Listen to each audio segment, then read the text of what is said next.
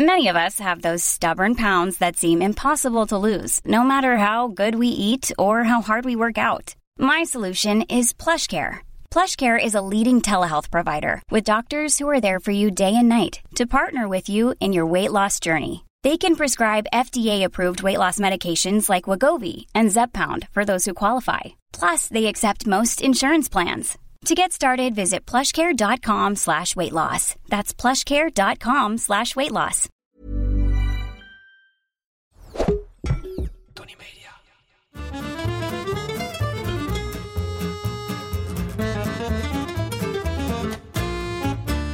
Ik ben Julius Jaspers en ik ben meer dan dol op eten. Iedere week pak ik één product uit mijn voorraadkast en zal jullie daar alles over vertellen. Vandaag is dat, alweer voor de derde keer, barbecue. Vandaag over de techniek. Ik zou nog even terugkomen op die groene toverdoos in de vorm van een ei, die ik bij Marco in Elsenduin zag staan. Ik was een week later bij de Libreien in Zwolle. Zag ik er weer een staan. En een enthousiaste Johnny Boer. Ik moest ook zo'n ding. Nou, zegt Marco, dat regel ik wel. En een week later stond er een busje voor de deur waar een zware man uitstapte. En een werktafel met een Big Green Egg de tuin in reed. Jeroen, zo heette die man, stak het ding aan en begon met een uitleg die zomaar de twee uur aantikte. ADHD'er die ik ben, was dat een lastige. En zo zat ik constant op mijn telefoon, was ik de afwasmachine aan het inruimen en anderhalf uur later weer uitruimen, honden knuffelen, lunch maken. Enfin, alles wat niets te maken had met zijn verhaal, want dat kende ik toch al lang. Na twee uur was ik er klaar mee en stopte ik Jeroen weer in zijn busje. Aju paraplu. S'avonds komen de kinderen de tuin in. De vrouw is ook benieuwd wat ik aan het doen ben. Ik steek dat ei aan en vertel ondertussen dat ze de mooiste barbecue-ervaring van hun leven gaan beleven. Ribeye op de hagelnieuwe Big Green Egg. En gaan met die banaan. Iedere 30 seconden even onder de klep kijken hoe het ging. En dat was meteen de eerste echte les. Nooit kijken. Gewoon doen. Want kijken geeft zuurstof. En zuurstof en vuur zijn hele grote vrienden. Dus in no time had ik van mijn goddelijke grillmachine een emailleer overgemaakt. Een half uur later ging er een verkoolde ribeye richting het zwarte archief. En weer een half uur later zaten we aan tafel met een geïmproviseerde carbonara. Toen Wessel, baasje Big Green Egg, een week later belde om te vragen hoe het ging, zei ik dat hij een kapot ei had geleverd. Enfin, lang verhaal kort. Drie dagen later was Jeroen er weer en had ik mijn vriend Giel van Vis aan de Schelde ook gevraagd. Telefoons gingen uit en na drie uur waren we vrienden met de Big Green Egg. En vrienden met Jeroen Hazenbroek, waarna we besloten ons gedrieën in de wereld van het wedstrijd barbecuen te storten. Barbecue team De Zwarte Hand was een feit. Waarover de volgende keer meer. George Stevens werkte in de 50 jaren op de Weber scheepswerf in de buurt van Chicago. Was lekker aan het zeilen, zag een boei liggen en dacht: daar kan ik wel wat mee. Hij nam de boei mee naar huis, zaagde hem doormidden, gebruikte de bovenkant als een bak en de onderkant als deksel en de Weber kogelbarbecue was geboren. Het was een instant hit en de jaren daarna evolueerde de kogel tot het bolletje zoals we die nu kennen. Weber stond niet stil en haakte in op de luxe trend van gas en ontwikkelde de gasbarbecue zoals we die nu kennen. Het is daarna hard gegaan in de USA. Niet alleen schoten de barbecuefabrikanten als paddenstoelen uit de grond, door de diversiteit aan natuur en de immense landschappen zien we ook allerlei verschillende barbecue-culturen ontstaan.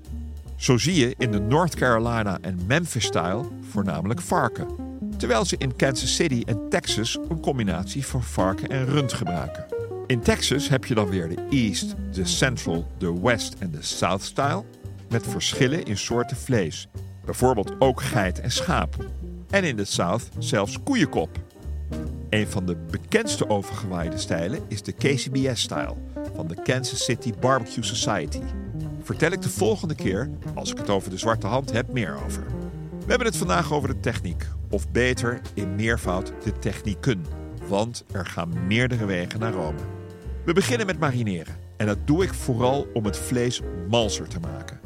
Taaie eiwitten worden afgebroken door het zuur of de enzymen in de marinade. Kiwi en ananas zijn goede partners om de boel malser te maken. En als je verder een beetje goede smaakmakers gebruikt, dan vind je de originele smaak niet terug, maar is bijvoorbeeld je bavet wel een stuk malser. Bij hele korte marinades zoek je ook duidelijk invloed op de smaak. Maar ik zou daar een mooie ribeye of côte de buff niet mee lastigvallen. Kip is ideaal om te marineren, want heeft niet veel eigen smaak. Of hij moet uit Bres komen. Bepaalde delen van het varken kunnen ook wat extra smaak gebruiken, evenals bepaalde vissen. Maar om een tarbot of een tong nu zwaar in een zoete saus te leggen, ik zou het niet doen. Let overigens op met marinades die met olie en vooral die met suiker kunnen goed in de fik vliegen. En je weet, barbecue en vlammen zijn geen vrienden. In plaats van een marinade kun je ook een rub gebruiken.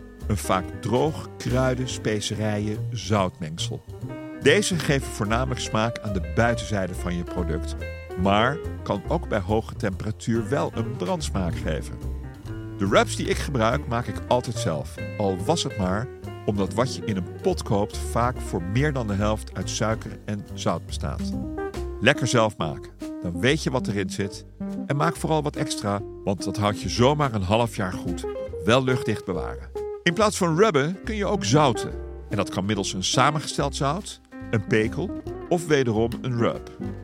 Zout houdt het vocht in het product beter vast en zorgt in samenwerking met suikers voor meer smaak. Een pekel is meestal nat en gebruik je vooral voordat je iets wilt gaan roken. Een droge pekel kan ook en die wrijf je vaak weer van je product af voordat het op het vuur gaat. Over zout gesproken, mijn zout, maar ook mijn peper, komen het liefst uit de molen. Zout gebruik ik voor het grillen. Peper liever erna in verband met verbranden. Voor het zouten neem ik grof of fijn zeezout. Het peperdure Maldonzout, mijn absolute favoriet, gebruik ik eigenlijk alleen voor het nazouten. Oké, het is nu tijd voor reclame en ik heb een brandende vraag binnengekregen. Beste Julius, wat zijn de technieken waar ik op moet letten tijdens het barbecuen? Ik zei het eerder al, door Jeroen ben ik als een blok gevallen voor de Big Green. Want niet alleen is het een barbecue, je kan er allerlei culinaire kooktechnieken op loslaten. Wat onder andere wordt gestimuleerd door de perfecte luchtcirculatie en daardoor de goede temperatuurcontrole. Daardoor krijgt eigenlijk alles wat je erop bereidt een unieke smaakbeleving. Maar stel, je bent in een barbecue mood en je wil iets moois op tafel zetten. Ja, waarom niet? Denk dan aan de volgende technische tip.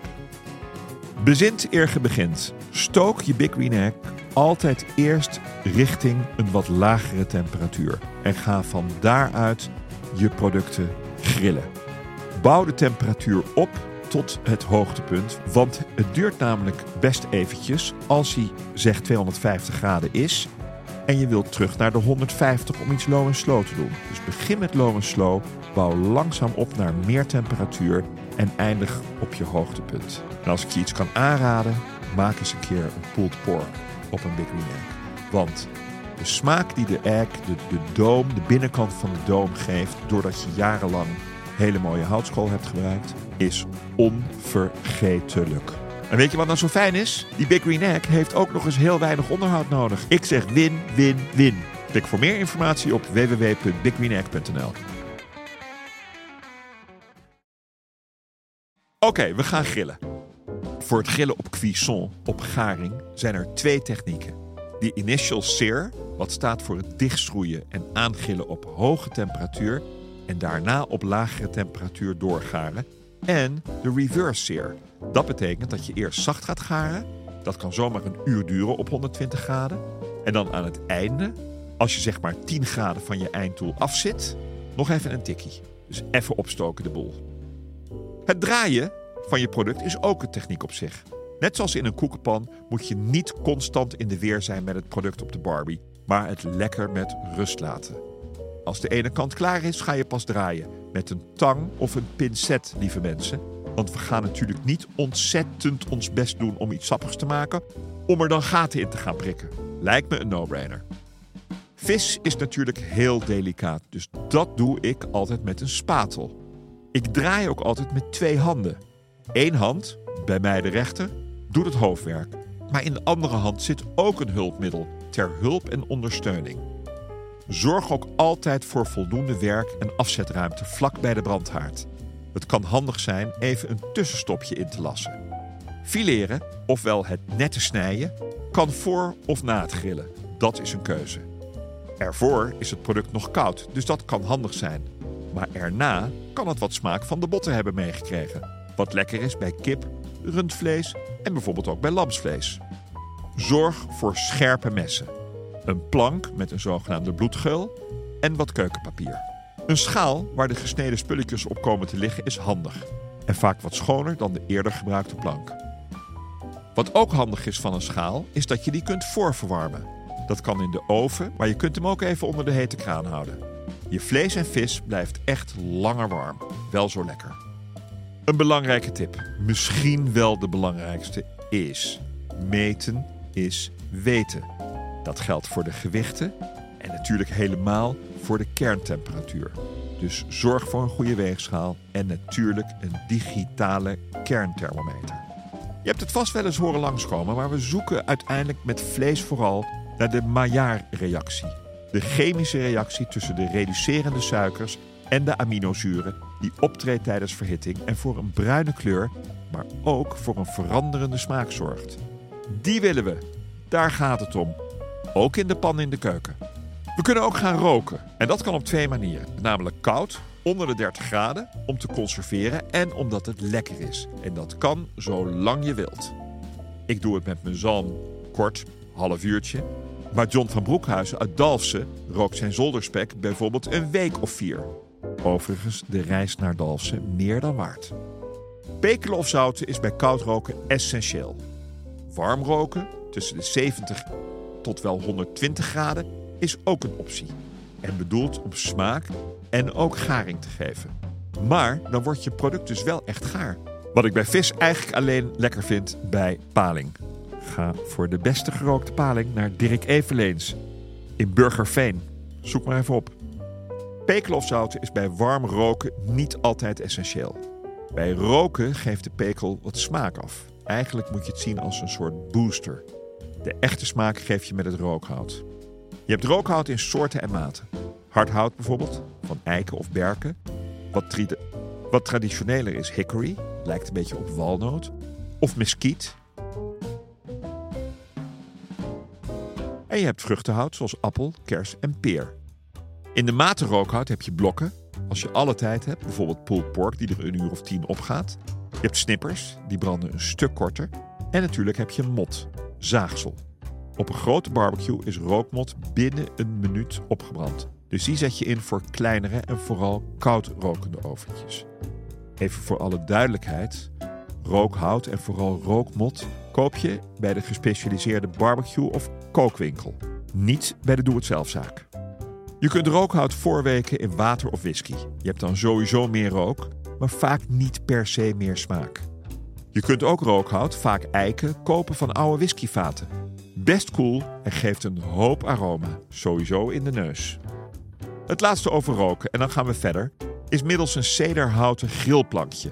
Ik krijg meteen Canadese herinneringen. Cederhouten plankjes kun je voorweken in water, waarna je er je product, vaak zalm, oplegt. Je legt de plank daarna op het rooster en tegen de tijd dat de plank een beetje gaat fikken, is je zalm al lang klaar en heeft hij de aroma van het hout opgenomen. Super lekker als je het niet overdrijft. En als het vuur niet te hoog staat, kun je de plankjes een paar keer gebruiken. Tot slot iets over smaak. Hoe vreemd.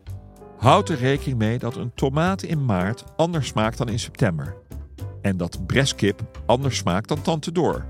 Voor wie het niet weet, Tante Door is een Nederlandse kip.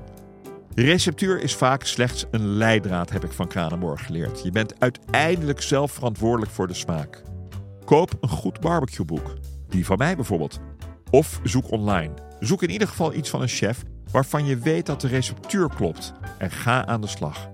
Proberen, proeven, leren. En als je het beheerst, ga je voor het echi. Voor je gasten, zeg maar. We stappen bij het geheim van de chef, speciaal voor Floor, eens even af van het vlees. We gaan vegetarisch, ofwel richting de groenten. En dan met de zoutkorsttechniek. Je hebt hier wel een barbecue met een klep voor nodig. Bijvoorbeeld de Big Green Egg. Fenkel, met zo'n heerlijke anijsmaak, gaan we inpakken in zout en dan garen. Is echt niet moeilijk en ook echt niet bremzout. Maar vooral echt wel super lekker. Klik op de link in de beschrijving van deze aflevering voor het recept. Dat was hem over barbecue. Althans, deel 3. Zeker niet alles, maar best wel wat. Wil je meer weten over iets in je voorraadkast? Stuur me dan een berichtje via Instagram. Of ik weet het al, of ik zoek het voor je uit, maar ik geef altijd antwoord. De volgende keer heb ik het weer over de barbecue. Deel 4 van dit feuilleton en meteen ook het laatste deel. Ik ga dan dieper in op hoe dat nu het beste moet, dat barbecuen. Dag.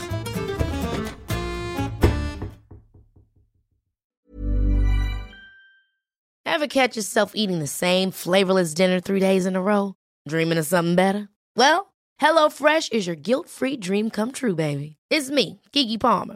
Let's wake up those taste buds with hot, juicy pecan-crusted chicken or garlic butter shrimp scampi. Mm.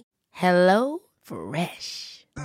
Stop dreaming of all the delicious possibilities and dig in at HelloFresh.com. Let's get this dinner party started.